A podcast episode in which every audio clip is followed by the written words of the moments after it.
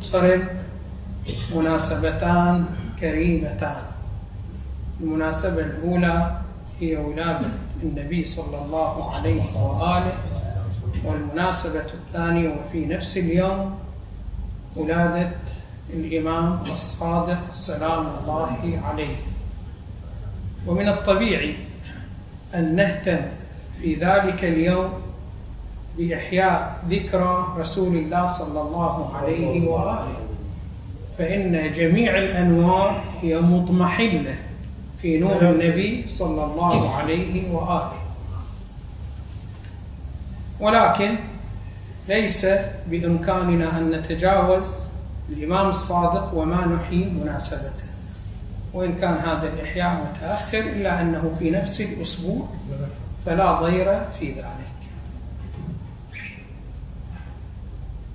ورد عن الإمام الصادق سلام الله عليه أنه قال لا تكون مؤمنا حتى تكون خائفا راجيا ولا تكون خائفا راجيا حتى تكون تاركا لما تخاف وعاملا لما ترجو.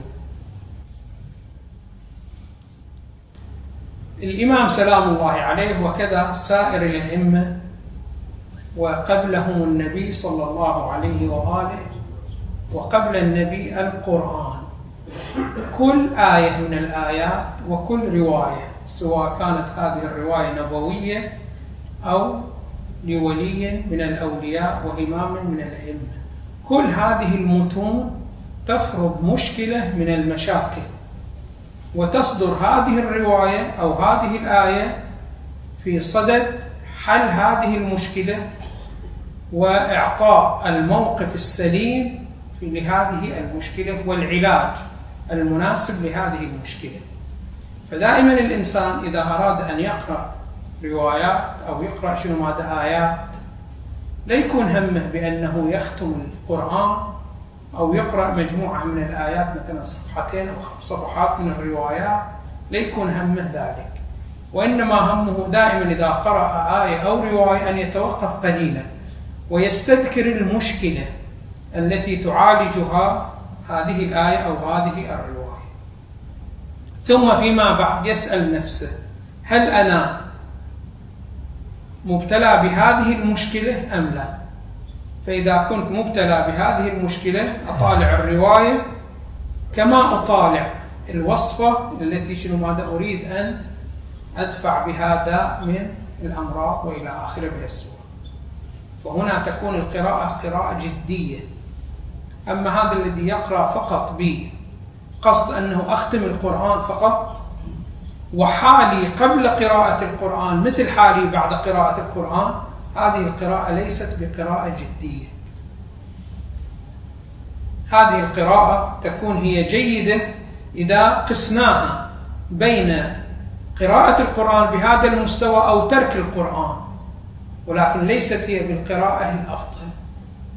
وعلينا أن نتعامل مع الروايات الواردة عن النبي صلى الله عليه وآله وعن أهل بيته كما نتعامل مع القرآن. بهذا السرور بهذا النوع الآن هذه الرواية التي ذكرناها عن الإمام سلام الله عليه هي تعالج مشكلة من المشاكل. فخلنا نستعرض في هذا الوقت القصير هذه المشكلة التي يشير إليها الإمام سلام الله عليه. الكثير منا الكثير منا يرتبط مع الوظائف الشرعية مو على نحو واحد. وإنما الكثير منا يرغب في أن يتعامل مع بعض الوظائف الشرعية بصورة أفضل وأدوم من التعامل مع تكاليف شرعية أخرى. مثلا خلينا نمثل. مثلا بعض الأشخاص يحب أن يأتي بالطاعات التي فيها نحو من السفر. فبمجرد أن يدعون إلى عمرة لاحظوا شنو هذا في السنة؟ ما عنده أي مشكلة. 12 مرة يروح لأنه كل شهر لك عمرة واحدة فقط. 12 مرة طيل السنة شنو هذا؟ يسافر عمرة. رايح جاي ولو أجاز الله سبحانه وتعالى أن يؤتى بالعمرتين في شهر واحد لشنو هذا ذهب يعني البعض مولع بالوظائف الشرعية سواء كانت على نحو الوجوب أو على نحو الاستحباب مولع شنو هذا بالسفر وبالوظائف الشرعية المرتبطة بالسفر. ولكنه إذا دعي لمساعدة فقير محتاج فإنه يستثقل ذلك. يرغب في الوظائف الشرعية التي فيها سفر ولكن شنو ماذا الوظائف الشرعية الأخرى التي ما فيها سفر شنو ماذا ما يرغب فيها؟ هذا نحو شنو ماذا من التفصيل. ونحو من التمييز في التعامل مع الوظائف الشرعية. مثال آخر بعض الزوجات المؤمنات تلاحظها تحرص على إحياء الشعائر الحسينية وهي وظيفة شرعية. ولكنها بالنسبة إلى أداء الحقوق المرتبطة بالحياة الزوجية مع زوجها تكون جدا شنو هذا ثقيلة. بعض الشباب المؤمنين إذا دعي إلى مشاركة في موكب عزاء ما شاء الله يسرع ويعجل في ذلك. ولكن إذا طلب من عنده والده وأبوه أداء خدمة من الخدمات يتثاقل شنو ماذا بالنسبة لها بعض الأشخاص مثلا إذا دعي أو سمع بأنه فيه ممارسة أو وظيفة عبادية يذهب إليها شنو ماذا مباشرة. أما وظيفة مرتبطة بالأموال فإنه يتقاعس ويتثاقل. الكثير شنو ماذا من المجتمع هو بهذه الصورة. فإذا تبحث عن الشخصيات التي تعمل بالوظيفة الشرعية حيث طلبها الله سبحانه وتعالى من غير أن يدخل هواه ورغبته ما تشاهد إلا القليل من المؤمنين. الإمام سلام الله عليه يقول هذا السلوك سلوك ليس بجيد. لماذا؟ لأنه أنت حتى تعمل بالوظيفة الشرعية ويكون الله سبحانه وتعالى قابلها يقبلها لابد أن تكون فيها مخلصا لله سبحانه وتعالى. ولن تكون مخلص إذا دخلت هواك. فإن الله سبحانه وتعالى خير شريك لا يقبل إلا الخالص لوجهه. أما إذا خلطته مع نية هوى لا. شوف أنت التعامل مع الوظائف الشرعية يختلف عن التعامل مع الهوايات. الهواية البعض شنو؟ هذا يرغب فقط في السباحة ولكن ما يرغب في الجري. ما يلعب ما يرغب في لعب كرة القدم. فقط شنو؟ هذا يرغب في السباحة. شخص آخر لا. يرغب في لعب كرة القدم ولكن ما يرغب شنو؟ هذا في السباحة. أي في الهوايات. أما مع الدين لا يجوز لنا أن نتعامل مع الدين معاملتنا مع الهوايات علينا أن نلتفت لهذا الأمر. الآن شنو هذا الإمام سلام الله عليه يقول الناس على قسمين. المفروض في المؤمن أن لا يكون فقط خائف من الله سبحانه وتعالى وعذاب الله سبحانه وتعالى ولا أن يكون راجي فقط لثواب الله وعطاء الله سبحانه وتعالى. وإنما لابد أن يطير بجناحين. جناح خوف وجناح شنو هذا؟ رجاء. تعلمون بأن الله سبحانه وتعالى متصف بصفات جلالية وصفات جمالية. ما هو المراد من الصفات الجلالية والجمالية؟ يقولون الصفات التي تبعث الإنسان على الرغبة هاي يسمونها شنو؟ هذا صفات جمالية. فأنت إذا طلعت على أن الله سبحانه وتعالى متصف بأنه رحمن ورحيم واطلعت على أن الله سبحانه وتعالى متصف بالرؤوف وبالغفور وبالودود فأنت تقبل عليه ما ينفرك هذه الصفات يعبر عنها بصفات الجمال وعندنا صفات أخرى يعبر عنها بصفات الجلال. صفات الجلال هي التي شنو إذا علمت بها تتنفر أنت من الله سبحانه وتعالى. مثل شنو ماذا؟ أنه تعلم بأن الله سبحانه وتعالى شديد العقاب. بأن الله سبحانه وتعالى شنو ماذا؟ خير الماكرين. تعلم أن الله سبحانه وتعالى ذو انتقام. إذا اطلعت على هذه الصفات هذه الصفات ماذا توجب؟ توجب عليك شنو؟ ماذا؟ الفرار فهنا الإمام سلام الله عليه يقول لا تكن ممن يتمسك فقط بصفات الجمال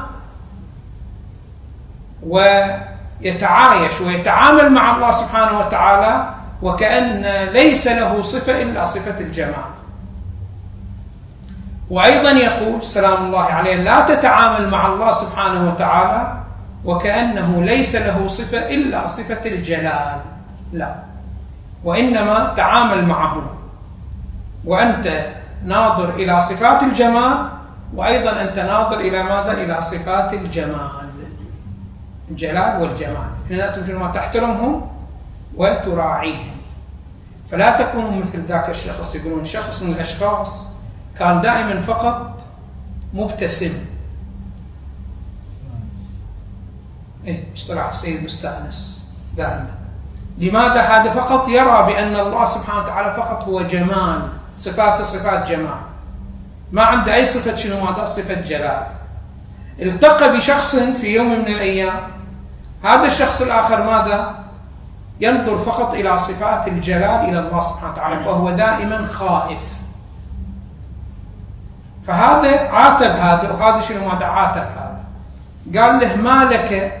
هذا الذي كان ينظر إلى شنو ماذا؟ فقط إلى صفات الجمال قال له ما لك؟ كأنك آيست من رحمة الله. لأنه عندما يقرأ القرآن ويقرأ بأن الله سبحانه وتعالى شديد العذاب أن الله سبحانه وتعالى ذو انتقام أن الله سبحانه وتعالى ماكر وإلى آخره. يأخذ شنو ماذا؟ أن الله سبحانه وتعالى جلاد وليس إلا.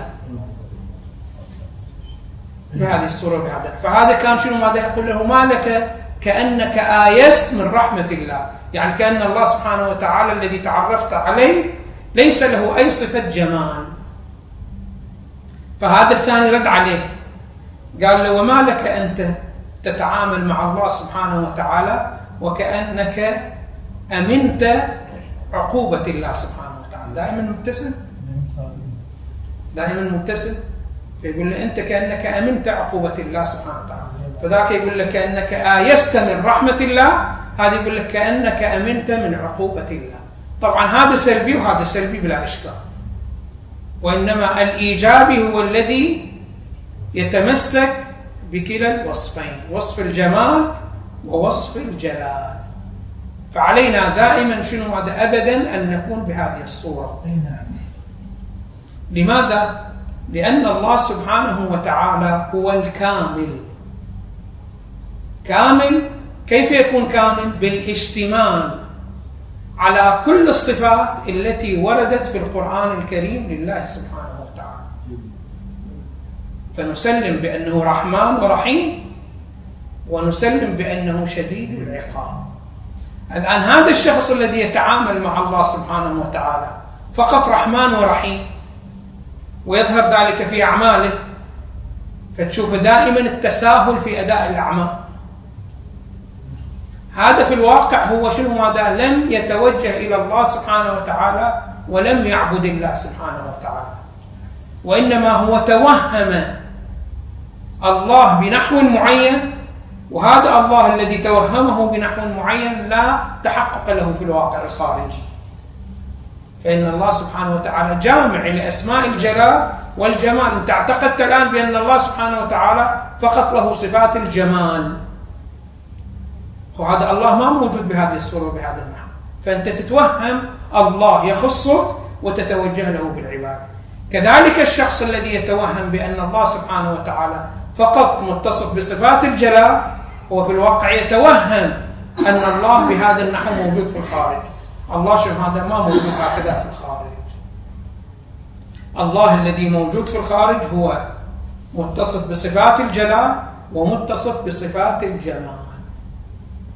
فعلينا دائما وابدا نتعامل مع الله سبحانه وتعالى. لا تعامل اليائس ولا تعامل الذي يكون شنو ماذا؟ مأمن على نفسه من مطلق العذابات. لا. عليك أن تنظر لهذه الأمور وهذه الأمور تتصرف بهذا التصرف. فلذلك الإنسان عليه أن يدعو الله سبحانه وتعالى دعاء وكأنه يئس من رحمة الله حتى يكون مخلص في الدعاء ويطمع في الله سبحانه وتعالى وكأنه شنو هذا أمن العقوبة. فتكون تطير بهذين الجناحين. لا يغلب عليك الجلال على الجمال ولا الجمال على الجلال. علينا دائما أبدا بهذا النحو وبهذه الصورة. غفر الله لي ولكم والحمد لله رب العالمين. وصلى الله على محمد وآله الطيبين الطاهرين.